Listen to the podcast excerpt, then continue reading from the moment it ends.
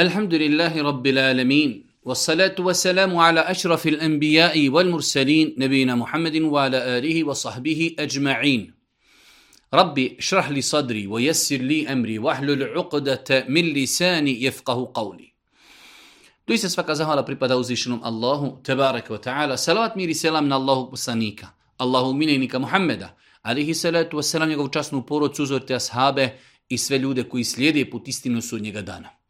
Uvažena braću i poštovani sestre, uvaženi gledatelji, evo nas u još jednoj emisiji u kojoj se družimo sa vašim dilemama i vašim pitanjima. Ovo je, ako smo dobro brojali, naša 43. emisija u kojoj se družimo sa vašim pitanjima, vašim dilemama. Počeli smo ovaj serijal nakon mjeseca Ramazana i evo, hvala uzvišnjom Allahu subhanahu ta'ala, ostale su nam još dvije sedmice do nastupanja mjeseca Ramazana.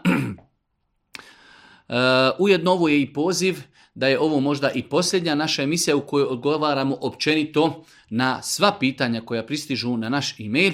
A ako Bog da naredne dvije sedmice, prvenstveno ćemo odgovarati na pitanja koja se vezuju za mjesec Ramazan, za post i propise vezane za Ramazan i za post. Svakako ako ne bude takvih pitanja da ćemo mi nastaviti odgovarati općenito na pitanja koja pristižu na naš e-mail. Ponavljamo po ko zna koji put da je doista mnogo pitanja koja pristižu naš e-mail. Nemoguće odgovoriti na sva pitanja zbog mnošta pitanja, a isto tako velik broj pitanja je komplikovan, težak, iziskuje dodatnu e, istraživanje, izučavanje i tako dalje.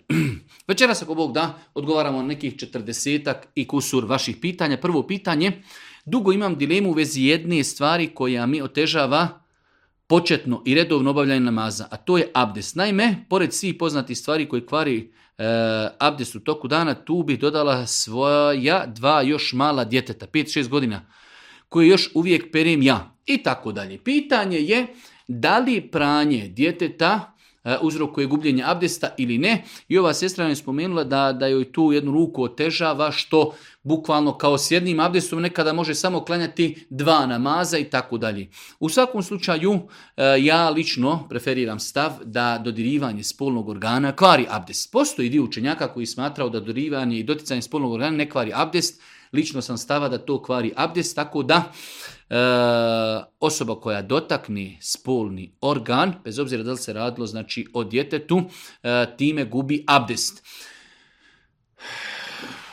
Da kažemo da je to u jednu ruku e, malo teži mišljenje, definitivno da jeste, ali Bože moj, znači insan čak ako treba da za svaki abdest, za svaki namaz obnovi abdest, nije to ako Bog da mnogo naporno toku dana da pet puta abdestimo, odvojimo dvije, tri minute da abdestimo, inšala bizna zaradimo velike nagrade obećano hadisma Božeg poslanika ali se ratu nam za uzimanje abdesta, tako da ako e, ova naša sestra može da e, klanja više namaza sa jednim abdestom, dobro jest, ako ne može, obnovit će abdest za svaki, za svaki namaz, ako je u međuvremenu radila nešto što kvari abdest. E, drugo pitanje, imam dijete s posebnim potrebama to jest kćerku s Downovim sindromom. Sindromom koja je po e, kategorizaciji e, invalidnosti 100% invalid. Pa me zanima stav učenjaka o takvim osobama. Da li će ući u džennet bez polaganja računa ili će imati ispit po njihovom mogućnosti? Čitao sam da će i roditelj djece s posebnim potrebama imati neku vrstu nagrade zbog boli koju svakodnevno preživljavaju i tako dalje. E, islamski učenjaci kada govori o ovoj bolesti, a i onim bolestima koji su slične, znači pitanje je da osoba ima dijete koje ima Downov sindrom, e, kako Islam gleda na takvu djecu, s druge strane e, kako i šta mogu očekivati roditelji takve djece. Kada su u pitanju takva djeca, stvar se vraća na razum.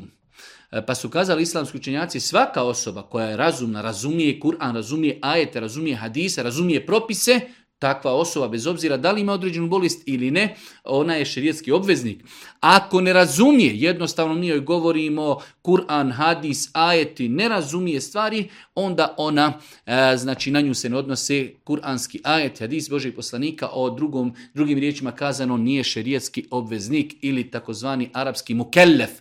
Kad su u pitanju roditelji takve djece, definitivno, ako se strpe na tom iskušenju, jer je to definitivno vid iskušenja, dok drugi ljudi svoju djecu šalju u školu, dok se vesele, dok se raduju, oni moraju ulagati dodatnog dosta napora u odgoju takve djece. Ako se strpi radi Allaha, očekujući nagradu od na Allah subhanahu definitivno će imati velike nagrade na sudnjem danu i zbog strpljenja, i zbog napora, i zbog truda, pa u datom momentu i zbog osjećaja, znači jednostavno drugi roditelji imaju zdravu djecu, moje dijete nije takvu. sve te stvari ako Bog da čovjek ako se strpi i očekuje nagradu uzvišnog Allah subhanahu imat će ako Bog da to što je nadao i očekivao.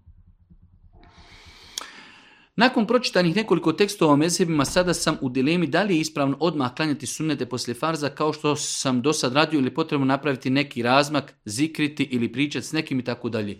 Allah najbolje zna, znači vjerodostojni hadisi jasno potvrđuju da je Allah poslanik alaihi salatu wasalam zabranio da se na file klanjaju odmah poslije farza. Tako da insan e, to što je običaj na našem podneblju da se odmah nakon predavanja selama ustane i klanjaju sunneti, jednostavno treba, treba da se lagano odvikavamo od takvih stvari i sunnet Božijeg poslanika je najprioritetniji da se slijedi.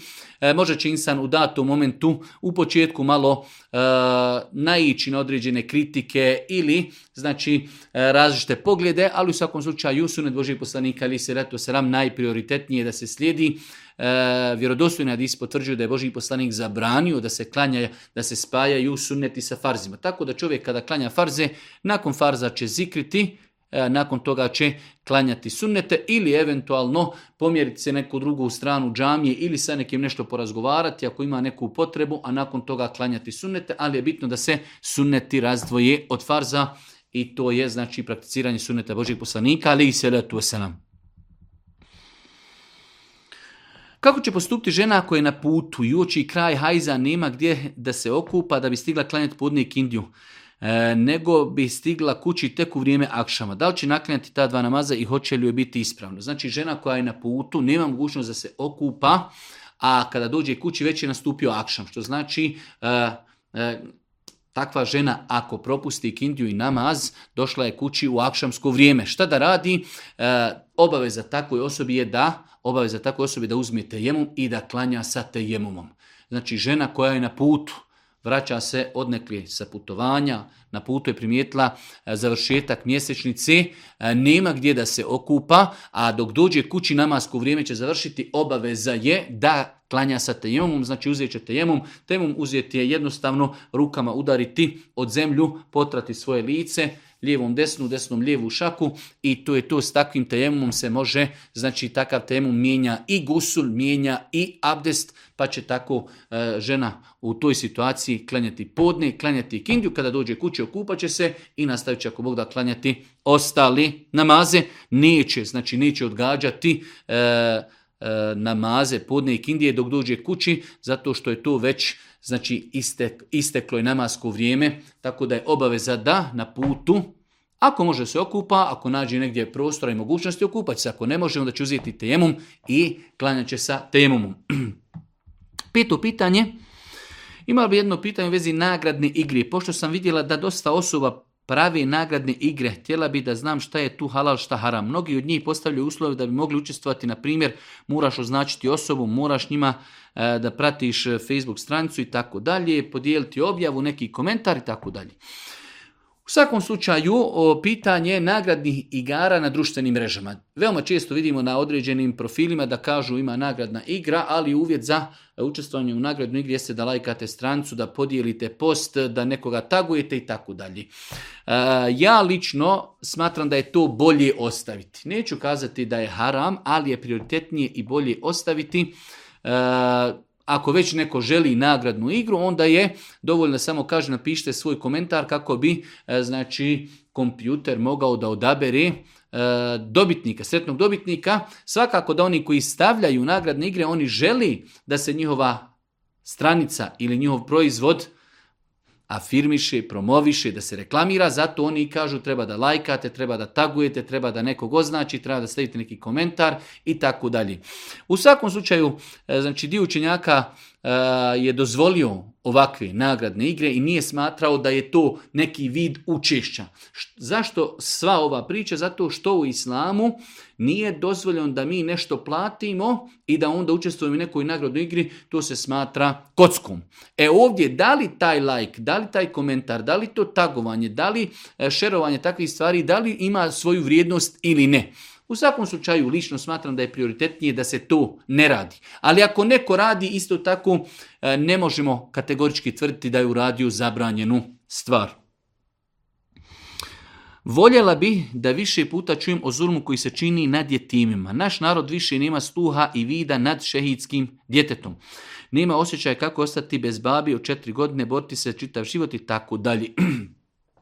U svakom slučaju, E, definitivno u islamu zulum kao zulum nepravda je apsolutno zabranjena. Allah džošanu kaže u hadisu al-Kuciju inni harramtu zulme ala nefsi ja'altu bejnekum muharraman felata zalemu ja sam zulum, kaže uzvišnji Allah, sebi zabranio, pa ga i vama zabranjujem, nemojte međusobno jednim drugima činiti zulum. Zulum, bez obzira o kome se radi o muslimanu ili nemuslimanu, jetimu ili nekom ko nije jetim, je zabranjen. E sada, ako na sve to pridodamo, da se zulum čini je timu osobi koja nema oca u islamu, je jetim osoba koja je ostala bez oca, a još nije dostigla punoljetstvo.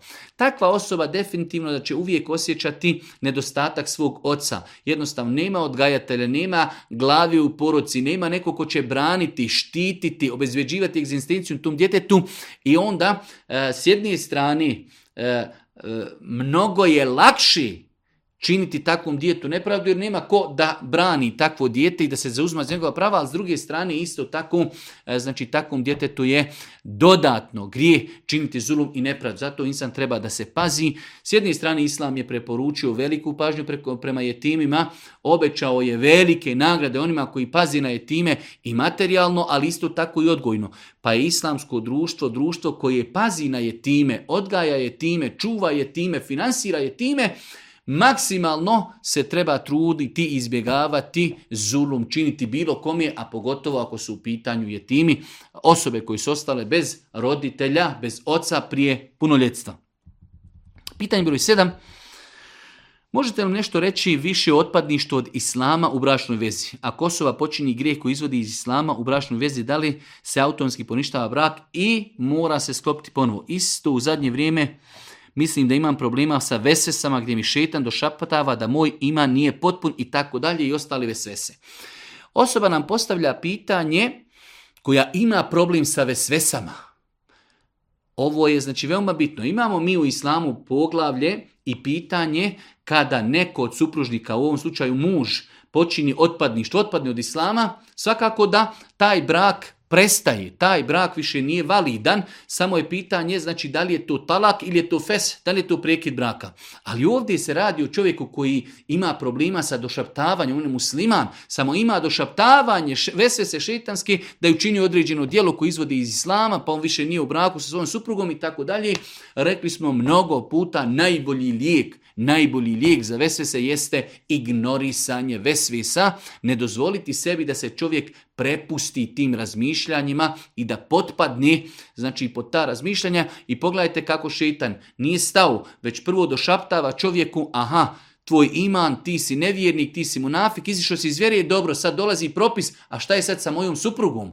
Pogledajte kako šetan umara čovjeka i takav čovjek psihički je opterećen, stres, e, znači napet je, zašto sikira se, da li mu je brak ispravan, a sve je počelo od došaptavanja i vesvisa. Zato najbolje je sve to prerezati i apsolutno se Tako da u ovoj situaciji Uopće ne govorimo o propisu, znači ne govorimo o propisu, čovjek i musliman, znači njegov brak je validan, to su vesvese šetanske i ne treba se osvetati na te stari, znači propis otpadništva i prekida bračne veze, e, podom toga ne analiziram ovom pitanju op, nikako, znači rješenje u ovoj situaciji jeste ignorisanje vesvesa i šetanskih došeptavanja.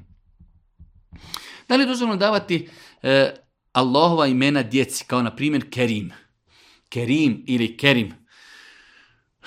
Islamski učenjaci kada govori o nadjevanju imena djetetu kazali su, ako je u pitanju ime kojim se opisao uzvišenje Allah subhanahu wa ta'ala, dozvoljeno je dati djetetu takvo ime ako je to nešto eh, čime se mogu opisati ljudi.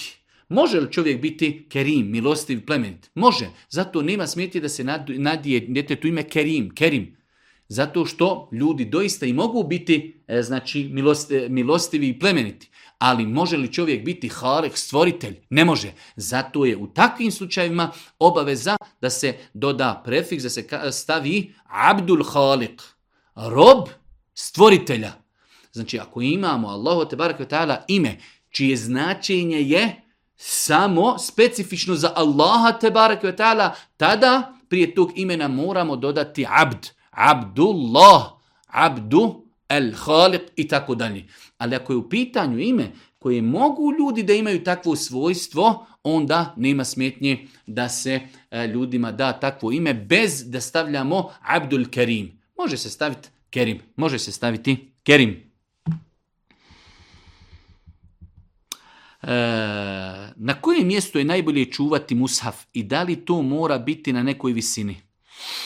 U svakom slučaju, jedno interesantno i lijepo pitanje, islamski učenjaci imaju konsenzus učenjaka, znači jednoglasan stav da je muslimanima obaveza poštovati i uvažavati mushaf. Mushaf je knjiga u kojoj je napisan Kur'an. Mushaf je knjiga u kojoj je napisan Kur'an, Allah, tabaraka ta'ala, govor. E, znači muslimani kroz historiju, o tome su i pisane knjige kompletne o propisima koji se odnosi samo na mushaf doticati mushaf, ne doticati mushaf, gdje ostaviti mushaf, gdje ga spustiti i tako dalje. U svakom slučaju, e, kada je u pitanju mushaf, najbolje je da se mushaf čuva na nekom e, višljem da kažemo mjestu. Da li je to neka polica, da li je to neki radni sto, znači samo je bitno da to ne bude negdje nisko na zemlji, da to ne bude i na podu.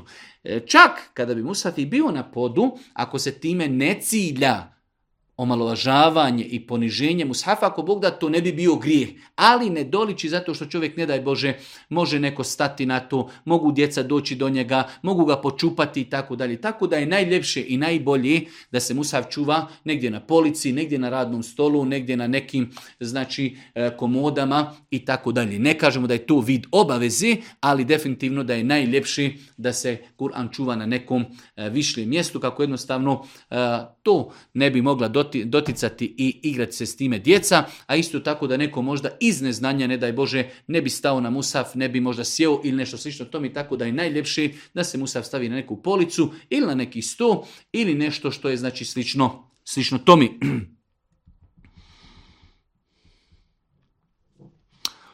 Moje pitanje vezano da li se alkohol može piti za Ramazan. Naravno, mislim koliko je težina grijeha toga ako se pije samo u noćima Ramazana i za iftara. Znači imamo muslimane koji pitaju za propis da li je dozvoljeno muslimanima i koliki je grijeh piti alkohol u Ramazanu, ali nakon iftara. Znači poste, ali nakon iftara da piju alkohol. Alkohol je zabranjen kako u Ramazanu, tako i izvan Ramazana. Kako prije iftara, tako i poslije iftara. Svakako prije iftara još znači u danu kada čovjek posti da je grijeh veći i da je to ozbiljnija stvar. Tako da eh, alkohol je zabranjen prema jasnom kuranskom tekstu, prema hadisma Božih poslanika, ali se letu wasalam, i u pogledu toga ne postoji razilažen kod islamskih učenjaka, e, svakako da osoba koja posti, trebala bi u toku dana da shvati šta je e, zadaća posta, šta je tu korist od posta, da čovjek u toku dana ostavlja nešto što je dopušteno. Ostavili smo jedenje jabuka, pijenje soka i naveći nakon iftara radimo ono što je strogo. Jedna od naj, najviše zabranjenih stvari u islamu jeste pijenje i konzumiranje alkohola, što treba da znači da skoro iz tog našeg posta nismo ništa naučili. Nismo ništa naučili, trebali bi da se u toku dana tokom posta odgojimo da nakon iftara ne radimo ono što je zabranjeno. Nažalost, veli broj ljudi čeka iftar pa da zapali cigaru, neko gleda filmove, neko gleda pornografiju i tako dalje, što je sve neispravno, što je sve neispravno. E, odgovor na ovo pitanje, kao što je alkohol zabranjen prije Ramazana, zabranjen poslije Ramazana, kao što je zabranjen znači u toku Ramazana, isto tako je zabranjen i nakon iftara. Da li, je do, da li je ispravno doviti nakon zikra kojeg činimo poslije farz namaza? Također, da li mogu zikriti i doviti dok se vozimo u autu e, do posla i nazad kući? Dva pitanja. Znači, da li je ispravno doviti nakon zikra kojeg činimo poslije farz namaza? Da.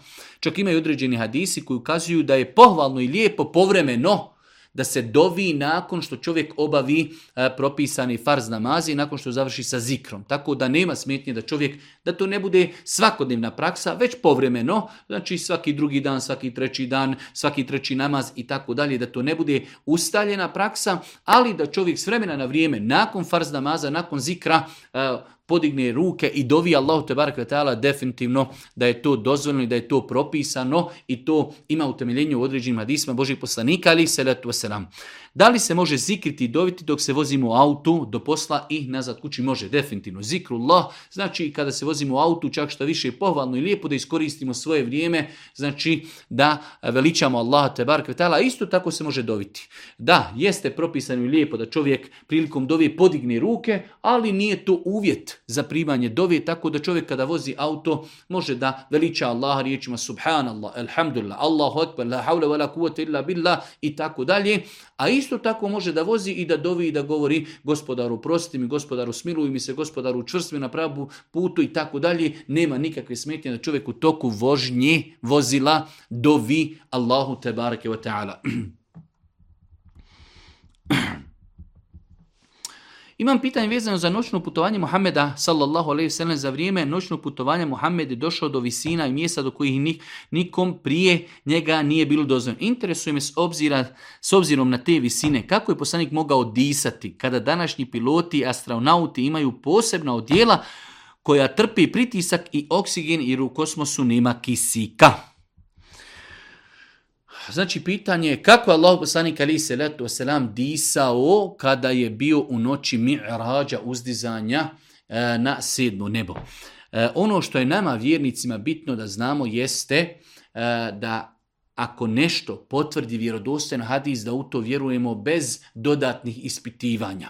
Ako otvorimo ova vrata, onda ćemo, e, znači nećemo nikada, nećemo nikada, e, ajde da kažemo, e, shvatiti određene stvari. Allahu poslanik ali salatu wasalam, Allah Žešanu ga je počastio time, Allah Žešanu je stvorio zemlju, stvorio nebesa, sve se njemu pokorava, pa znači onog momenta kada Muhammed ali salatu wasalam je uzdignut, uzdignuti na način počasti svoga gospodara, kao što Allah s.w.t. dao da kada je Ibrahim a.s. bačen u vatru, da određeni zakoni fizike ne važi, vatra više ne prži Ibrahima ali se letu čak što više ona njemu ispasonosna i hladna, zato što se ta vatra pokorava Allahu te Isti slučaj je znači i sa Muhammedom alejselatu salatu selam, Allahu te barakvetala je sve pokorno. E, da ne govorimo o drugim stvarima, znači kerametima Božijeg poslanika se salatu sram i njegovog posebnog mjesta kod uzvišnog Allaha te barakvetala. Tako da insan ne treba da se opterećuje takvim stvarima već treba da provjeri određenu stvar, da li je potvrđeno vjerodostojnim hadisima ili, ne. Ako jeste, mi tu zaustavljamo, to se desilo. Kako se desilo, samo uzvišeni Allah subhanahu wa ta'ala zna.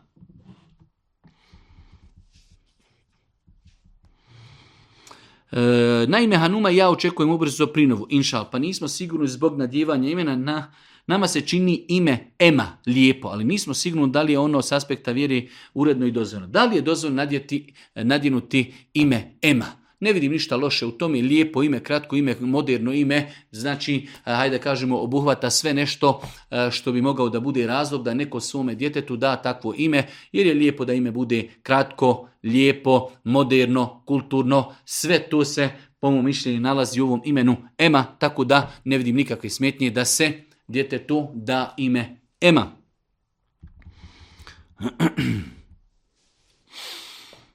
E, jedan brat nam je spomenuo malo duži email gdje spominje kako on i njegova supruga praktikuju vjeru, u svakom slučaju imaju neki problemčića u poroci gdje žive, ali kaže, ali problem slika na zidu ne možemo baš da riješimo, a nismo trenutno u situaciji da se odvojimo, pa me zanima mišljenje kako postupiti. Znači čovjek živi sa svojim roditeljima u njihovoj kući. Oni malo prigovaraju na bradu, malo na hijab, ali može se to izdurati, ali imamo problem slika u kući, znači gdje roditelji e, nemaju razumijevanja da je to zabranjeno, žele da skloni takve stvari sa zidova.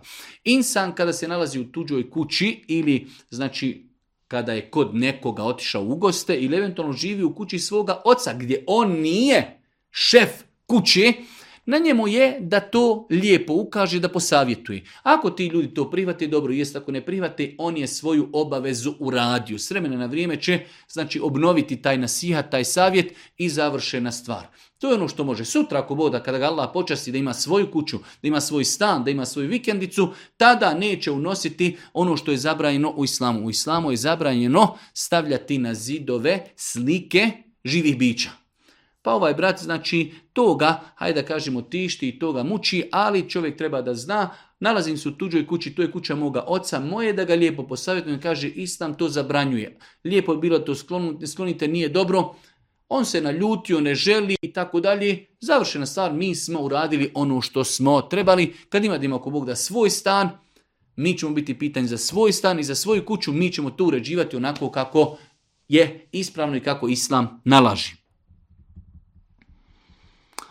Šta raditi ako smo mladi imamo muzičko u školi? Koliki je to grije? E, više puta smo spominjali određene stvari koje se vezuju za podneblju koje mi živimo, kao što kada čovjek želi registrovati auto, nametnuto mu je da mora osigurati auto, a osiguranje auta je, znači na način kako se to danas radi, zabranjeno znači takav vid osiguranja u islamu zabran ali je to nama nametnuto. Tako i djeci određene stvari koje su nametnute u školi, znači jednostavno to je nametnuto. Ne može se izbjeći, insan će to, hajde da kažemo, koliko može izbjegavati, ali znači sigurno, sigurno e, nije to e, situacija e, kada bi čovjek kao slučaj da neko nastavi muzičku neku školu, šta ja znam, e, specijalizacija, fakultet i tako dalje, to je već naš odabir. Ali mi ako smo u osnovnoj školi, neko nam je nametnuo to i moramo mi to pristati, možemo izgubiti godinu ako ne budemo na tom času i ako to ne budemo odgovarali, svakako da će čovjek prisustovati, naučiti ono minimalno što mora da nauči, samo kako bi prošao dalje i nadamo se ako Bog da zbog toga neće biti griješan. Da li je normalno ženti se sa rođak, rođakom, e, rođakom i tako nešto. Esselamu alaikum.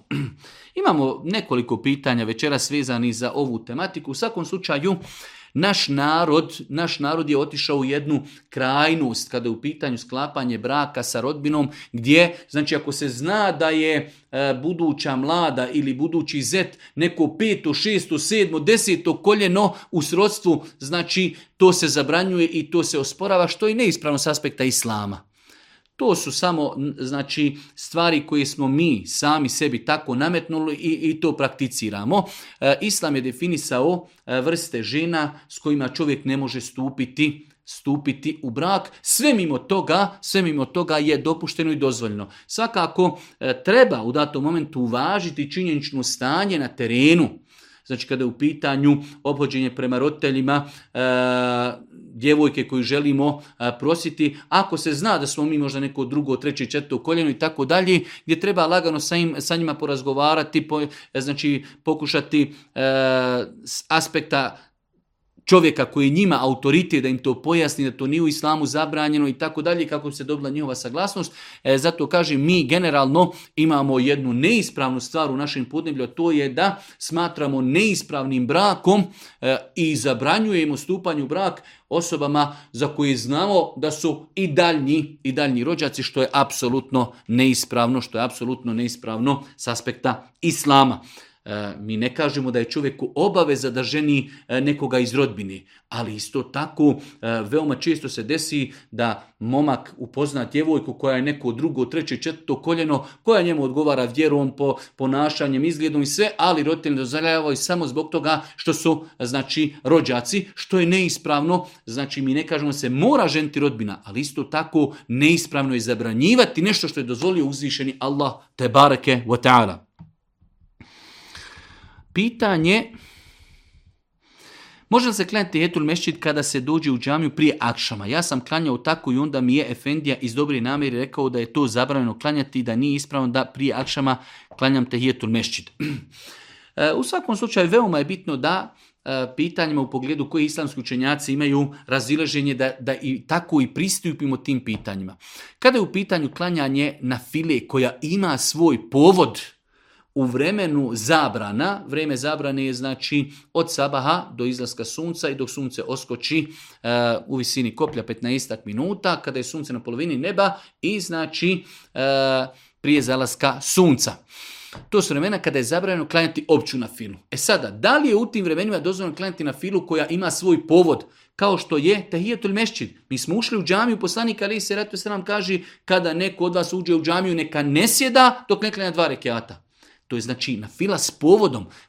Tavafili smo sedam krugova oko Kjabi u vremenu kada je zabranjeno klanjati na filu. Da li ćemo klanjati dva rekiata ili ne? Ja sam stava, ja sam stava i to je stav šafijske pravne škole da e, na file koje imaju povod dva rekiata poslije tavafa, tahijetul mešći, dva rekiata nakon e, nakon e, abdesta i tako dalje, da se takve na file klanjaju i u vremenu zabrane i u vremenu zabrani, jer vremena, vrijeme zabrani se odnosi samo isključivo na opću na filu. Da čovjek nako sjedi i kaže idem sada da klanjam na filu dobrovoljni namaz. To su vremena kada se ne može klanjati e, dobrovoljni, dobrovoljni namaz.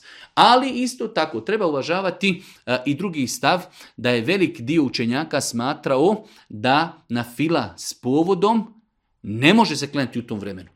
Pa znači trebamo jedni druge tolerišimo. Ako je Efendija vidio nekoga da klanja, treba da ga priupita, da sa njim porazgovara, ne da mu to odma negira. Da, hanefijski mezheb e, to ne odobrava, ali možda čovjek nije hanefijskog mezheba. Pa znači treba da lijepo e, imamo toleranciju u tim pitanjima. Dobro, ja ne klanjam, smatram da je to zabranjeno dobro. Ja drugi čovjek, ja klanjam, smatram da treba da ispoštujem hadis Božih poslanika kada neko od vas uđe u džamiju, neka ne, ne sjeda dok ne klanja dva rekiata. Pa ja praktikujem taj sunnet Božih poslanika, ali se letu sram, pa se moramo uvažavati, a to ne isključuje da razgovaramo. To ne isključuje da razgovaramo, ali trebamo biti pažljivi u pogledu pitanja gdje su učenjaci mezheba zauzeli različite stavove i svako od njih ima, svako od njih ima svoj neki dokaz. Molim vas ako možete dati odgovor da li ima ikakvo utemeljenje u islamu brojčano kodiranje Kur'ana kako ga neki nazivaju, izvode i zaključke na osnovu brojeva ajeta, riječi ajeta i tako dalje. U svakom slučaju, to je nešto što se baš dobro isforsiralo u zadnjih nekih 20, 30, 40 godina i tako dalje sa razvijanjem nauke, tehnologije. E, ljudi su počeli da analiziraju Kur'an pa broje riječi. E, evo, riječ dan je u Kur'anu spomenuta 365 puta, to znači ovako i onako, pa ovaj broj riječi znači toliko što bi značilo da će ta država nestati tada, da će sudnji dan nastupiti tada i tako dalje. U svakom slučaju e, ne treba se posvećivati tome, i ne treba mnogo pažnje tome posvećivati. Jedan čovjek je napisao jednu studiju u kojoj je analizirao tri izuzetno rasprostranjene knjige koji govori o Kur'anu i tim nadnaravnim čudima u Kur'anu e, s aspekta znači ovog baš kako što je ovdje naslovljeno e, brojčanog, brojčanog kodiranja. Pa je na kraju došao do zaključka da sve to prebrojavanje u te najrasprostranjenije tri knjige je poprilično sporno s aspekta tih brojeva i cifara. Pa dosta puta ljudi kada žele da određenu stvar e, dokažu, pa im zafali jedan ili dva izraza, pa onda počnu brojati neke slične izraze i tako dalje, samo da bi određen broj uklopili u određeno dešavanje, određeno dokazivanje. Tako da, E, svakako mi vjerujemo muslimani da je Kur'an Allahov govor, da je savršen, da je potpun, da je muđiza, da je nadnaravan, apsolutno. Ali danas ćemo mi kazati, evo u Kur'anu je ta riječ spomenuta toliko puta, to nešto znači tako, Sutra će nam doći neki nemusliman i kaži, vidite, evo ja sam prebrojao te riječi, nije tačno, već ste vi to nategli, vi sada želite da dokazujete da Kur'an e, potvrđuje nauku, nauka Kur'an i tako dalje. Nemamo potrebe za tim uopće. Tako da ne treba se umarati i e, tome pažnje posvećivati, ne treba to mnogo nešto iščitavati, e, islamski učenjaci imaju konsenzus da je zabranjeno tumačiti Kur'an po svom mišljenju.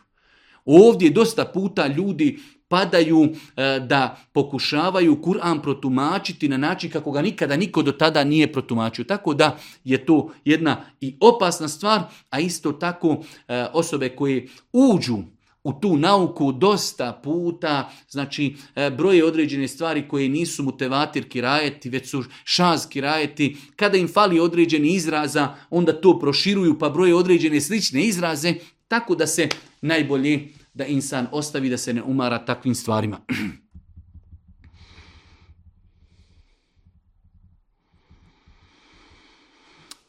muslimanka sam imam i pokrivena sam. Imam problema sa proširenim venama i doktor meni je rekao da moram da nosim svaki dan neki, neke čarape od jutra do naveći i tako dalje. U svakom slučaju kako da klanja osoba koja ima proširene vene i e, mora da nosi određene čarape kao, kao rješenje kao rješenje za prošine vene, e, ništa drugo osim e, kao što je propis potiranja po čarapama i potiranja po mestama. Takva osoba, znači, e, da li naveći, znači sodno opet potrebi ili zajutra, ako naveći u toku spavanja mora skidati čarape i zajutra kada ustani abdesti će, potpun abdest i obuće te čarape.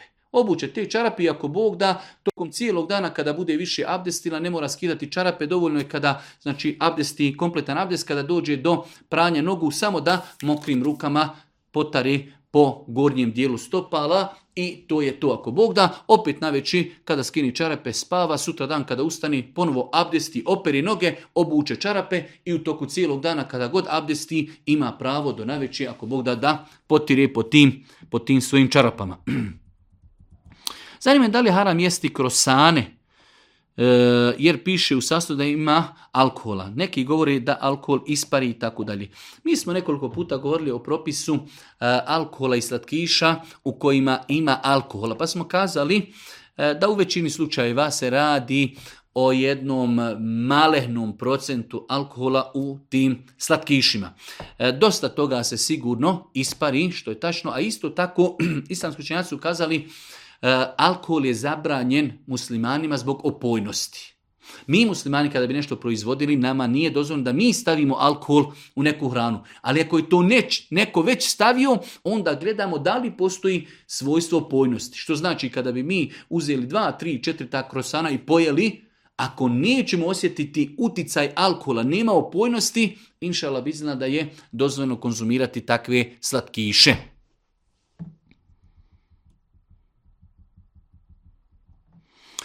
Jedna naša sestra koja je iz jednog grada u Sanđaku, ona ga je spomenula, e, trudna je, pa kaže da dosta puta žene e, znači iz spominju nemoj to da radiš, nemoj da trudnica ne smije ovo, trudnica ne, ne smije ovo i tako dalje, pa je navela neke primjere, kaže Žena sam u drugom stanju. Svakakve priče dolaze do mene kao savjeti. Da trudna žena ne smije da drži mačku u kući. Kako ne smije da joj dodirne stomak jer će dijete biti dlakavo kao mačka. Znači žena kao trudna ne smije dotakni mačku. Ako dotakne mačku i dijete će biti dlakavo. Interesantno je kako ljudi koji e, znači, vjeruju u takve stvari koji su apsolutno neutemeljeni u vjeri, dobro li se ikada desilo, ili moguće da trudne žene nikada ne dotaknu mačku i da nikada nismo vidjeli da je žena rodila dlakavo dijete? To be bi kako ljudi e, ne razmišljaju svojim mozgom. Dobro kaže onda ne smije da preskoči kabal od usisivača, jer će pupčana vrpca da bude omotana oko bebine glave kada se rodi. Ne smije trudnica da drži nešto crno na stomaku kako ne bi dijete imalo neku boju drugačiju na kožu, ne smije trudnica da se šiša i tako dalje. Zaista kada je u pitanju sujevjerje, znači ljudi ne samo da nisu šerijetski obrazovani, čak i dunjalučki, znači 100% ti ljudi nisu obrazovani. Čuj, ne smije da žena preskače kabal e, od usisivača e, jer će se pupčana vrca zamotati e, dijetu oko vrati, oko glavi. Otkud pupčana vrpca da se zamota i kakve veze to ima sa kablom? Kao da pupčana vrpca zna da li je žena preskočila kabla ili nije, ili prešla preko kabla, pa ako je preskočila i pupčana vrpca će se zamotati dijete oko glavi, tako da su sve ove stvari apsolutno neispravne, nemaju nikakvo utemeljenje u islamu i treba se boriti i pojašnjavati ljudima da je to čisto sujevjerje, znači strogo, strogo, strogo neispravno, znači nema nikakvo utemeljenje u islamu.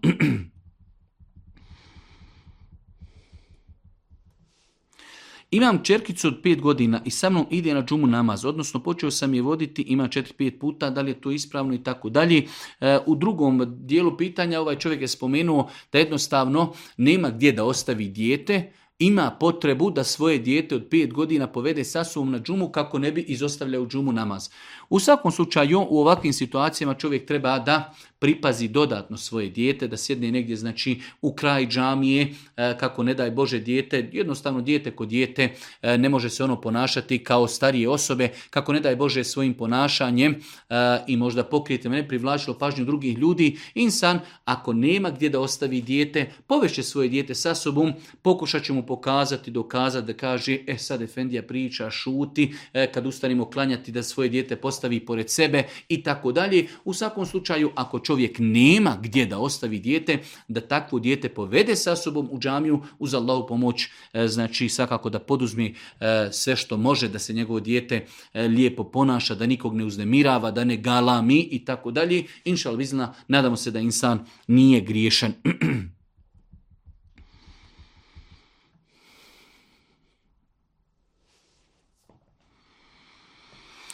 Imamo jedno pitanje, a to je jedna sestra kaže ja imam sihri, s vremena na vrijeme džini mi pravi probleme.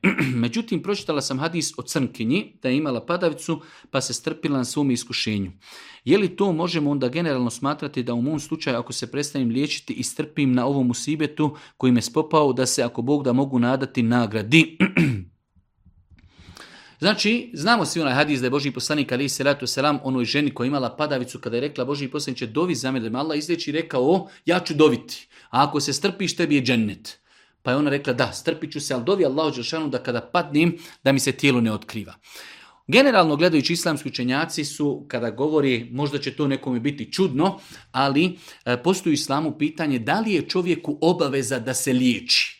Postoji jedno veliko pitanje u islamskom pravu fiku, da li je čovjek obaveza da se liječi? Imamo tu različite situacije. Imamo situaciju kada čovjek ako izbjegne liječenje, dovodi u pitanje svoj život. Tada je jako mišljenje da je čovjek obaveza da se liječi. Znači imamo situacije čovjek bolestan je, ako se ne bude liječio, ugrozio je svoj život, možda će umrijeti zbog toga, a ima lijek. U takvoj situaciji e, možemo kazati, jako je mišljenje, kažemo, obaveza je čovjeku da se liječi. Ali imamo situacije gdje čovjek u datu momentu bolestan, ali ne dovodi u pitanje svoj život. Ne dovodi u pitanje svoj život. S druge strane, lijek nije, hajde da kažemo, e, ono, e, posto učinkovit. U takvim situacijama džumhur učenjaka je kazao da čovjeku nije obaveza da se liječi. Znači imamo situaciju kada čovjek ako se ne bi liječio da ugrozio svoj život. Imamo situaciju kada čovjek ima bolest. Primjer radi čovjeka boli glava. Ali jednostavno ne boli ga glava da, da hajde da kažemo, dovodi svoj život u pitanje. E sada, da li je njemu obaveza popiti tabletu ili ne? Kaže džumhur, većina islamskoj činjaka nije mu obaveza. Nije mu obaveza. S druge strane, ako se strpi na tim bolovima kao vid iskušenja i musibeta, bit će nagrađen. E sada, postavljaju pitanje učenjaci, da li je bolje se strpiti u takvoj ovoj drugoj situaciji ili se liječiti? Opet, većina učenjaka kaže da je bolje da se liječi. Ali isto tako, insan ima pravo u situacijama i bolestima u kojima ne ugrožava svoj život kao što je ova situacija, ako ostavi liječenje, osloni se na Allaha, Allah je taj koji insanu daje lijek e, e, i ozdravljenje bez obzira da li nešto konzumirao ili ne. Ako se insan vezuje za Allaha, osloni se na Allaha, ne poduzima nikakve dunjaličke faktore liječenja, znači e, istrpi se na bolovima, nadamo se ako boda će imati nagradu za strpljenje. Nadam se da smo ako Bog da dobro razumjeli ovo pitanje, pošto vjerujem da će biti osoba koji će pogrešno razumjeti kao što nam se često dešava. Znači imamo situacije kada e, ako bi izostavili liječenje, dovodimo svoj život u pitanje, tada možemo kazati da je jako mišljenje, da je obavez da se liječimo. Ako bolest nije na tom stepenu, boli nas nešto, ali ne dovodimo svoj život u pitanje, znači većina islamskih učenjaka kažu da nije obaveza da se čovjek liječi, ali je ljepše da se liječi. Za razliku od osoba koji kažu islamski učenjaci na osnovu hadisa ove žene koja imala padavicu, ako insan jakog imana, jakog oslonca na Allah, te ta'ala, i ne želi da se liječi, želi znači da, e, da osaburi, da se strpi, bit će ako Bog da nagrađen za strpljenje. Biće nagrađen za strpljenje.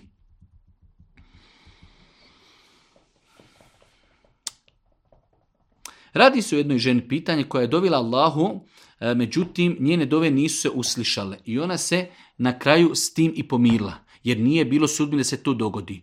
Tu meni šetan stvarave sve se tipa zašto doviti kada e, je u knjizi i onako se zapisano. Pera su se podigla i mastilo sušilo.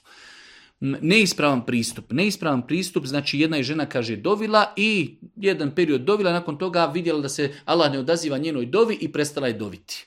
E, došlo je u dostupnim da Allah poslanika ali se letu selam kazao Allah će se odazivati sve vama dok ne dođete u situaciju da kažete dovio sam, dovio sam, pa mi se Allah nije odazvao i sad ću prestati.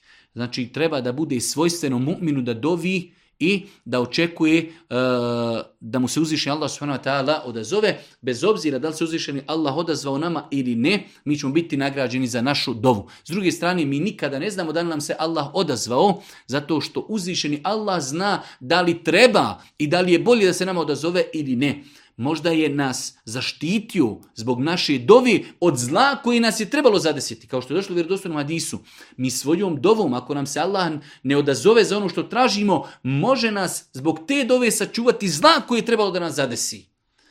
I na kraju eh, kaže se ovdje kao zašto doviti ako su pera podignuta. Dobro, a da li mi, kao da smo čitali mi svoj sud, pa mi znamo, ja neću dobiti zato što u sudbini piše da se Allah neće odazvati. Ne, nama je naređeno da dovimo i kad imamo problema, dova je i badet.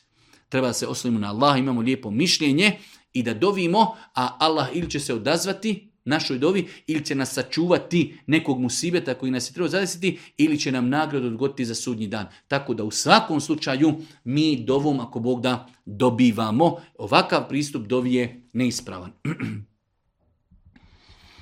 Pitanje E, čovjek da rezimiramo, kaže znam da je od sunneta dizati ruke e, prilikom odlaska na ruku, povratka sa ruku, ostavljanje na treći rekat, ali da li je to specifično samo za prvi rekat ili za sve rekate u namazu?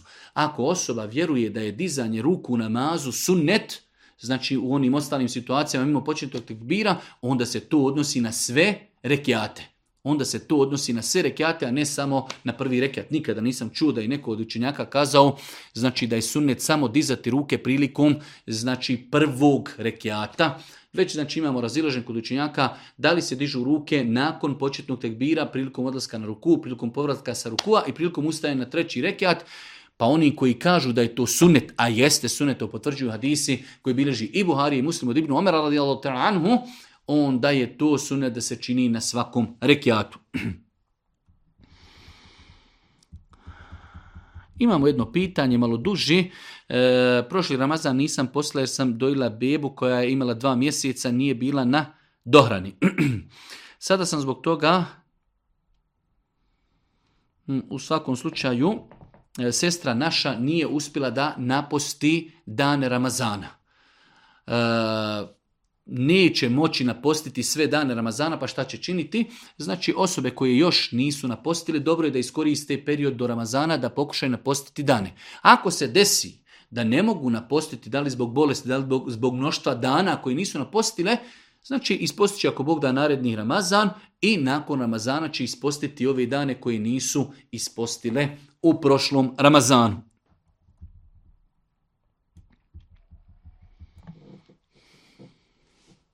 Imamo jedno područje pitanje, ako rezime tog pitanja je e, da jedan e, insan želi da oženi jednu djevojku, a ona je sestra žene njegovog brata.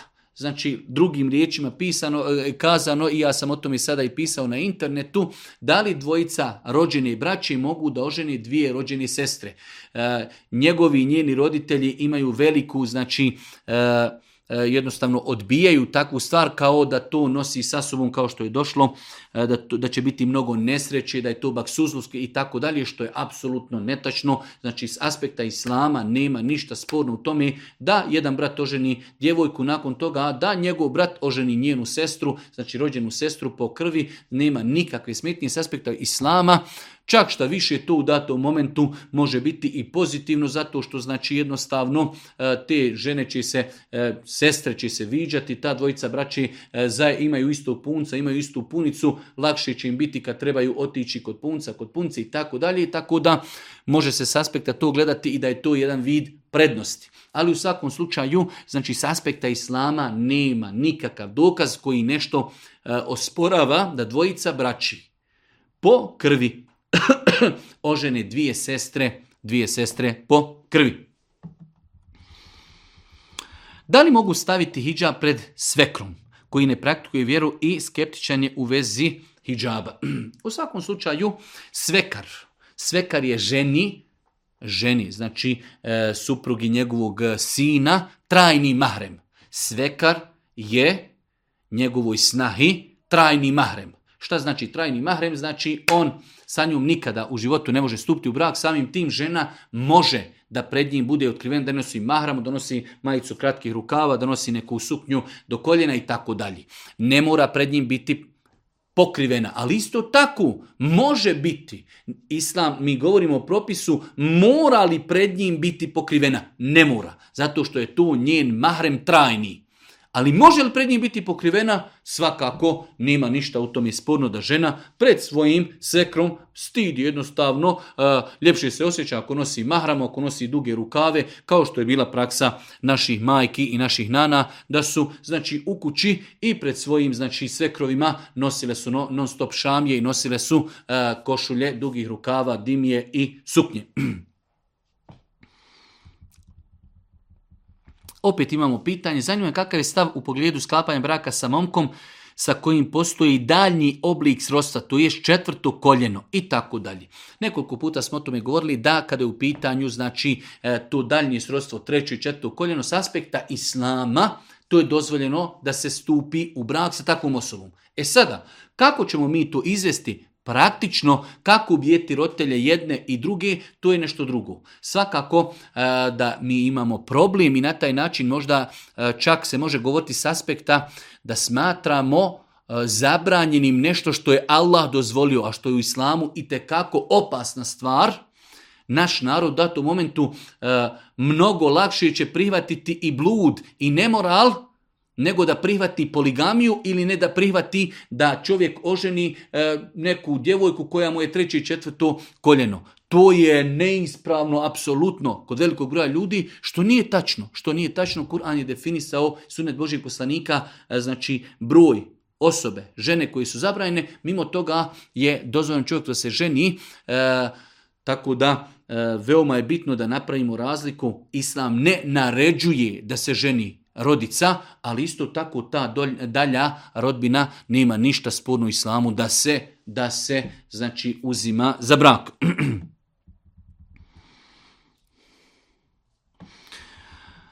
Moje pitanje se odnosi na obavezu posta tokom e, trudnoći. Da li je trudnica obavezna postiti ili ako to ne učini, da li mora post dokanti e, dan za dan i tako dalje. Našla sam različite odgovore i tako dalje. U svakom slučaju, islamski učenjaci su kazali da trudnica u osnovi potpada pod obavezu posta. To je osnova.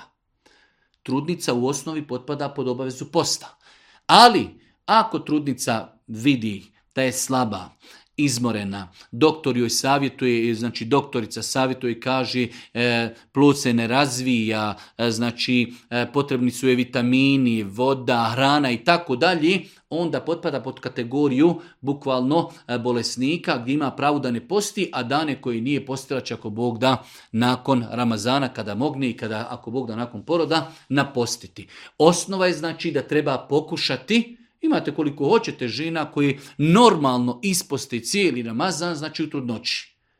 Šta smo toj ženi trebali kazati, e, nemoj da postiš? Ne. Osnova je da se na nju odnose ajeti hadisi u kojima se naređuje post. Ali ako okolnosti, znači činično stanje, e, analiza, nalazi, e, stručna osoba kompetentna kaže da ne treba da posti, da bi to moglo štetiti njoj, njenoj zdravlju ili njenom e, razvoju njenog djeteta, tada ima pravo da ne posti, a dane koje nije postila će ako Bog da napostiti.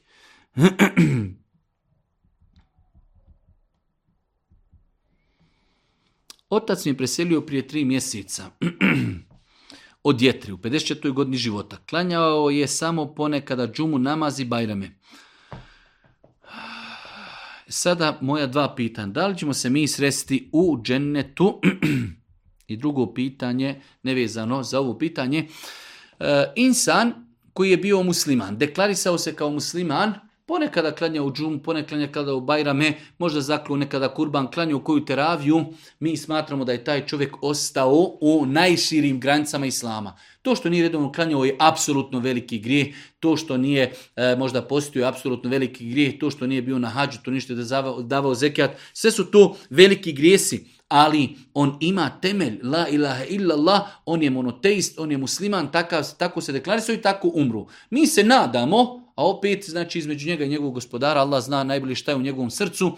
Mi se nadamo kao što je došlo u na hadisima bez obzira ako čovjek vjernik i bude kažnjen zbog određenih grijeha koji je radio u vatri, on će kad tad završiti u džennetu. Tako da, znači mi se e, nadamo i molimo Allah Želšanu da oprosti svim ljudima koji su bili vjernici, monoteisti, muslimani, koji su imali određene grijehe i prijestupe, oni će kad tad, shodno hadisom i rodoslovnim boži poslanika, ali sada završiti u džennetu. E, čuo sam od braća muslimana da kažu da je haram da doniramo organ i e, dobiva, da dobivamo pa to me zanima da je haram donirati i dobivati organe i donirati i dobivati da je to haram.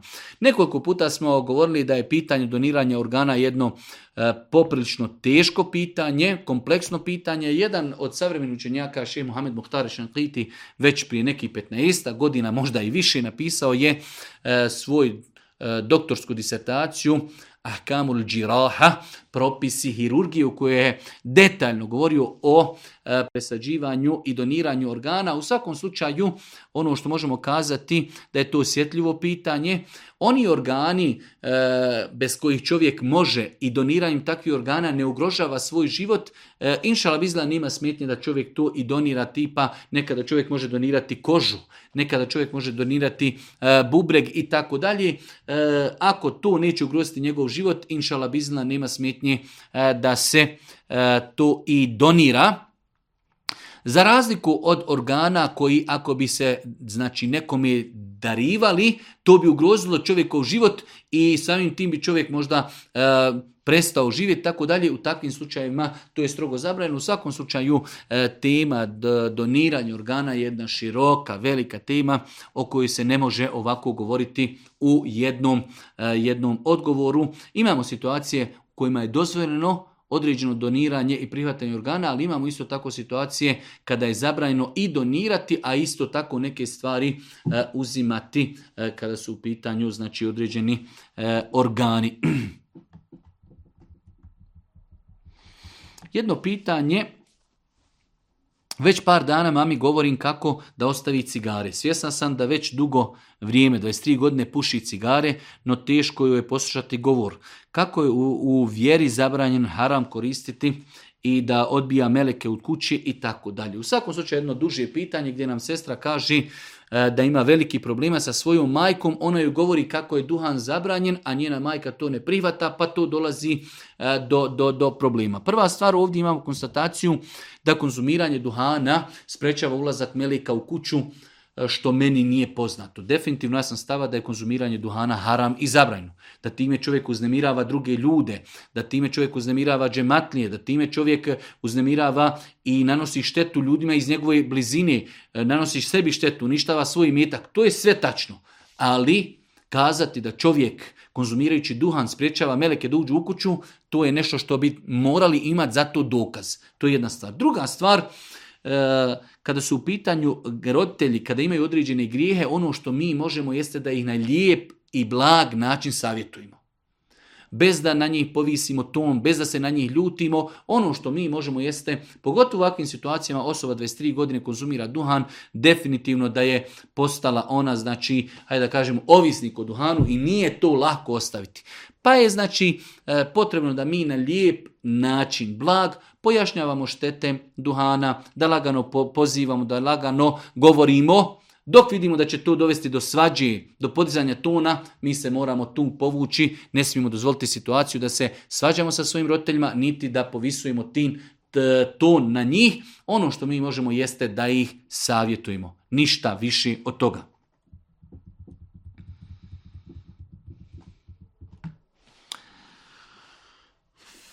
Imamo jedno malo duže pitanje gdje jedna sestra kaže, govori o vitru, pa znamo ali ima je rekla tako, pa ona ima jednog rođaka koji studira u Egiptu e, i tako dalje. Pa je, I znači u svakom slučaju rezimeje pitanja e, koje sad u svemu tome u pravu. Jedni kažu da se vitr namaz može kleniti kao akšam, jedni kažu da se ne može. E, u svakom slučaju, e, opet se vraćamo da su to pitanja u kojima su mezhebi zauzeli različite stavove. Hanefijski mezheb je dozvolio da se klanjaju vitr, vitr namaz, ako ćemo klanjati tri rekiata, da klanjamo onako kako se klanja akšam namaz. S druge strane, mi imamo vjerodostojno hadis da Allah poslanika ali se sam zabranio da se e, klanjaju vitr na način kako se oponaša akšam. Tako da, Može se desiti da u datom momentu Mesef zauzme određen stav na osnovu određenih drugih argumenata koji su možda općeg karaktera, a da ostavi određene hadise e, u kojima se određena stvar naređuje ili zabranjuje. Tako da, e, bez, tog, bez obzira što neko kaže ja sam studirao, ja sam učio, tako Mesef za, za, e, zauzima stav, mi pokušavamo u životu da ljude vezujemo za govor Božih poslanika, ali i salatu wasalam, tako da vjerodostojno hadisi potvrđuju da je Allah poslanik zabranio da se akšam klanja e, poput vitara. Mi to nećemo činiti, ali isto tako tolerišemo ljude koji su odrasli e, u jednom podneblju gdje se praktikuje hanefijski mezeb ljudi tako klanjaju. Čak šeho Lisavim Temije kada su ga pitali da li insan da odi E, da se odazove, da bude imam u džamiji gdje će morati ljudima klanjati po hanefijskom mezebu, on je kazao e, da, da to prihvati i da im klanja vitr namaz onako kako oni klanjaju. Tako da, e, znači to je pitanje u pogledu kojeg islamski učenjaci, pravnici, mezhebi imaju različite stavove. Lično sam stava da osoba koja klanja tri rekiata ili će klanjati sve tri rekeata odjednom bez zaustavljanja ili će klanjati dva rekeata pa će klanjati, zaustaviti se, sjesti, prušti etahijatu salavate, predati selam, pa će ustati i klanjati treći rekiat, znači neće praviti ono sjedinje, samo etahijatu, ustati na treći rekiat, ali Isto tako moramo znati da je to stav mezheba, da su ljudi odrasli u takvom ambijentu, u takvom podneblju i treba to uvažiti i tolerisati. Ako su moji roditelji renovirali i proširili kuću koristeći kredit, kamatni kredit, da li je onda meni dozvoljeno nakon njihove smrti preuzeti tu kuću? E, nema smetnje. Znači imamo pitanje, osoba kaže njeni roditelji su uzeli kamatni kredit i od tog kamatnog kredita su renovirali, dogradili kuću, e sada oni su umrli. Da li ona može naslijediti tu kuću u kojoj zna da je uložen određeni metak koji je zabranjen? Nema smetnji. E, to što je zabranjeno, zabranjeno je bilo njima. Oni su uzeli kamatni kredit i oni će zbog toga biti pitanje. Oni su to uložili u nešto što je za nas sada nemoguće da to odvojimo, da to srušimo, da to pokvarimo, tako da nema smetnje. Kažu islamski učenjaci u ovakvim pitanjima više e, znači, e, savremenih šehova je odgovorilo da nema smetnje da INSA naslijedi nešto što je kupljeno, što je kupljeno na ovakav način. Svakako kada bi mi u nasljedstvu imali nešto što je samo po sebi haram, kada bi iza naših roditelja ostalo, ne daj Bože, ostalo alkohol, ostali muzički instrumenti, ostalo, ostale svinje, svinsko meso, to je nešto što ne možemo naslijediti zato što je to samo po sebi haram. Ali kada je nešto urađeno na haram način, kao u ovom slučaju, od kamati, kamata je bila haram njima, oni od toga izgradili kuću, mi možemo tu naslijediti ili možemo živjeti i koristiti takvu kuću.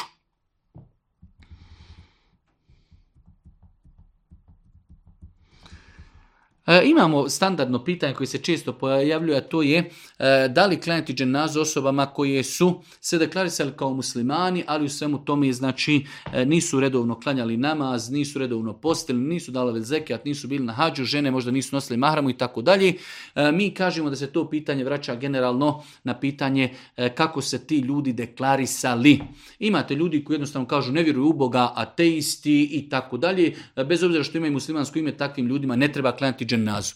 Ali ako se insan deklarisao kao musliman, čita život za sebe, kaže ja sam musliman, pa nekada zakolje kurba, nekada dadne sadaku, nekada ode na bajram, nekada bude nekoj teravi, koji dan posti i tako dalje, ta insan je musliman i takvom insanu je dozvoljeno klanjati dženazu, čak šta više, takvom insanu je prioritetno se klanja dženaza, kako bi ako Bog da i u samoj dženazi dovili Allah i dovili Allahu da mu oprosti grijehe. Znači, razlika je u deklarisanju, ako se insan deklariše i to potvrdi nekim dijelima, makar ta djela i ne bila velika u smislu čista, ali je bitno da se deklariši kao musliman, kaže ja sam musliman, vjerujem u Allaha, vjerujem u poslanika, vjerujem ja u sudnji dan, ali eto jednostavno iz svoje ljenosti ne klanja redovno i tako dalje. Takva osoba je u nekoj najširoj najširoj zoni islama, iako Bog da mogu se takvim osobama klanjati džennaze. da li je dozvoljeno ženti ateistkinju?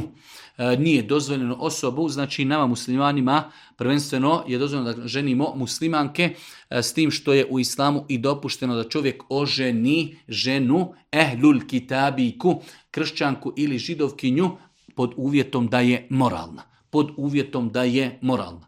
Znači, to je taj jedan izuzetak, znači muslimanima u osnovi je dozvoljeno da žene muslimanke, a kada su u pitanju žene mimo muslimanki, dozvoljene su im samo ehlul kitabike, a to su kršćanke i židovkinje, koje su moralne i čestite, iako smo više puta kroz ova naša pitanja odgovor govorili da su islamski učenjaci e, govorili da to vjernik treba izbjegavati zbog praktičnih razloga koji će nastupiti, znači praktičnih problema koji će nastupiti u takvom braku.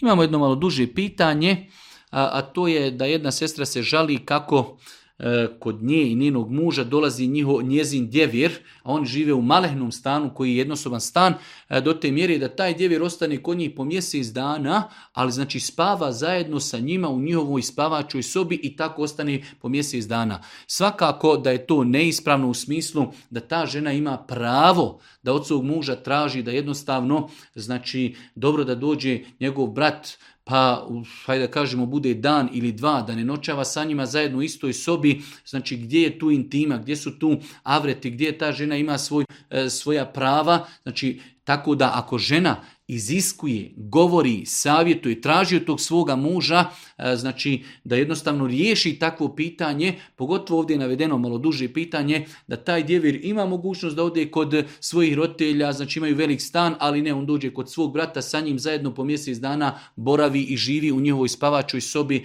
što je znači e, apsolutno neprihvatljivo, bez, bez da to gledamo s aspekta islama, a kamoli znači ova žena ima potpuno pravo, e, znači s aspekta islama da traži od svog muža da riješi to pitanje i e, njeno traženje da se to pitanje riješi nikako ne znači da ga ona e, poziva da prekida vezu sa svojim bratom i tako dalje. Ne, dobročinstvo prema bratu ostaje, rodbinske veze ostaju, ali da čovjek zajedno sa svojim bratom, svakako na odvojenom krevetu, spava u spavačoj sobi gdje spava njegov brat, apsolutno je znači e, daleko i od pravdi, i od islama, i od insanstva, i od ljudskosti, i od bilo čega drugog.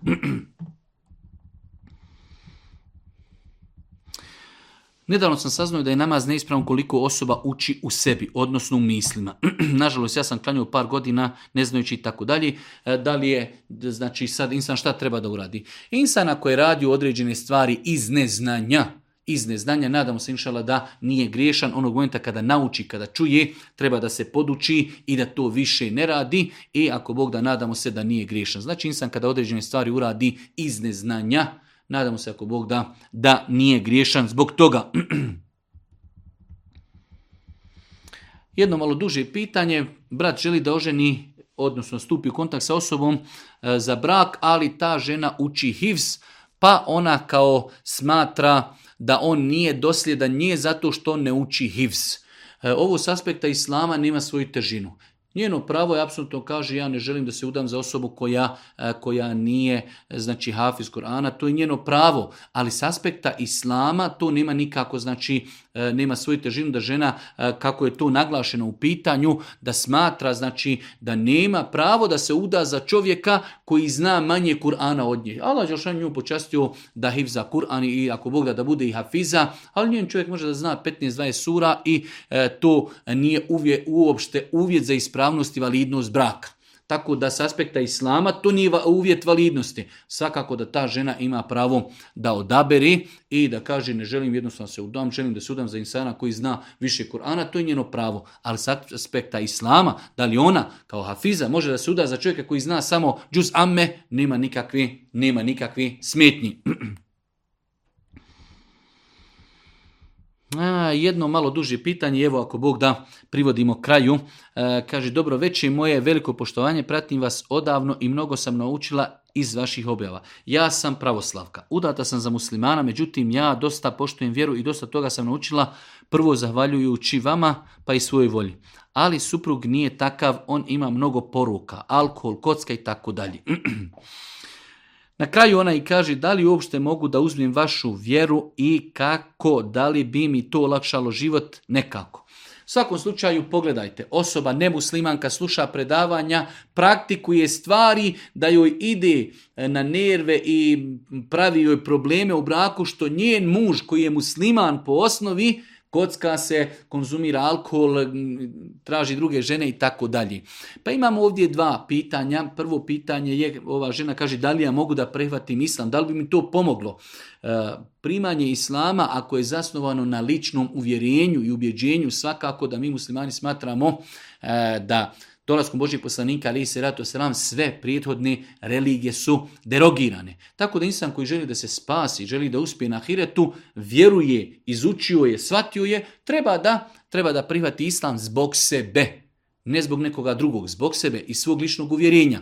A o, ostaje taj moment tog čovjeka koji se deklariše kao musliman, sa njim ostaje razgovor, sa njim ostaje dijalog, sa njim ostaje savjetovanje, ništa više insan ne može u takvim situacijama osim što može savjetovati, upozoravati, govoriti, truditi se, to je ono što insan u svemu tome može da uradi. Zadnje pitanje, Inače, svako jutro poslije sabah namaza iz ikra učim Kur'an. Nekada više stranica, nekada manje. Pitanje da li je problem što se uči Kur'an u periodu kada izlazi sunce, pošto je to vrijeme kada je zabranjeno klanjati na filu. E, vrijeme izlaska sunca je vrijeme kada je zabranjeno klanjati opću na filu, a e, to se ne odnosi niti na zikrullah, niti se odnosi na dovu, niti se odnosi na učenje Kur'ana. Znači, nema nikakve smetnje da insan E, uči Kur'an, dovi ili zikr čini Allah te u periodu kada sunce izlazi, to je period kada je zabranjeno klanjati opću na filu i pod pitanje osoba koja kreni učiti Kur'an pa prouči Euzubillahim mne šetan Bismillahirrahmanirrahim i otvori kad ugleda suru Teuba, a već je proučio Bismilu. Mi znamo da sura Bismila jedino u Kur'anu nema na početku suri Et Teuba. Da li je insan griješan? Nije inšala griješan zato što to nije svjesno proučio, proučio jednostavno kao vid na, e, navike Euzubillahim mne šetan Bismillahirrahmanirrahim, otvorio je Kur'an, pogledao je da je to sura e, Teuba, počet će učiti, počet će znači učiti i nadamo se inšal da nije griješan zato što to nije uradio namjerno. Allah te barake tala molimo da nas poduči korisnom znanju, molimo ga subhanahu tala da nam bude rosti na sudnjem danu i posljednja napomena, e, posljednje dvije emisije, ako Bog da naredne dvije srijede do Ramazana ćemo posjetiti prvenstveno pitanjima koja se vezuju za post i za Ramazan, a ako ne bude takvih pitanja, mi ćemo nastaviti odgovarati na sva pitanja vaša koja dolazi na naš e-mail. Subhanik Allahumma bihamdike, ešhedu in la ilaha illa wa etubu ilaik. Oh.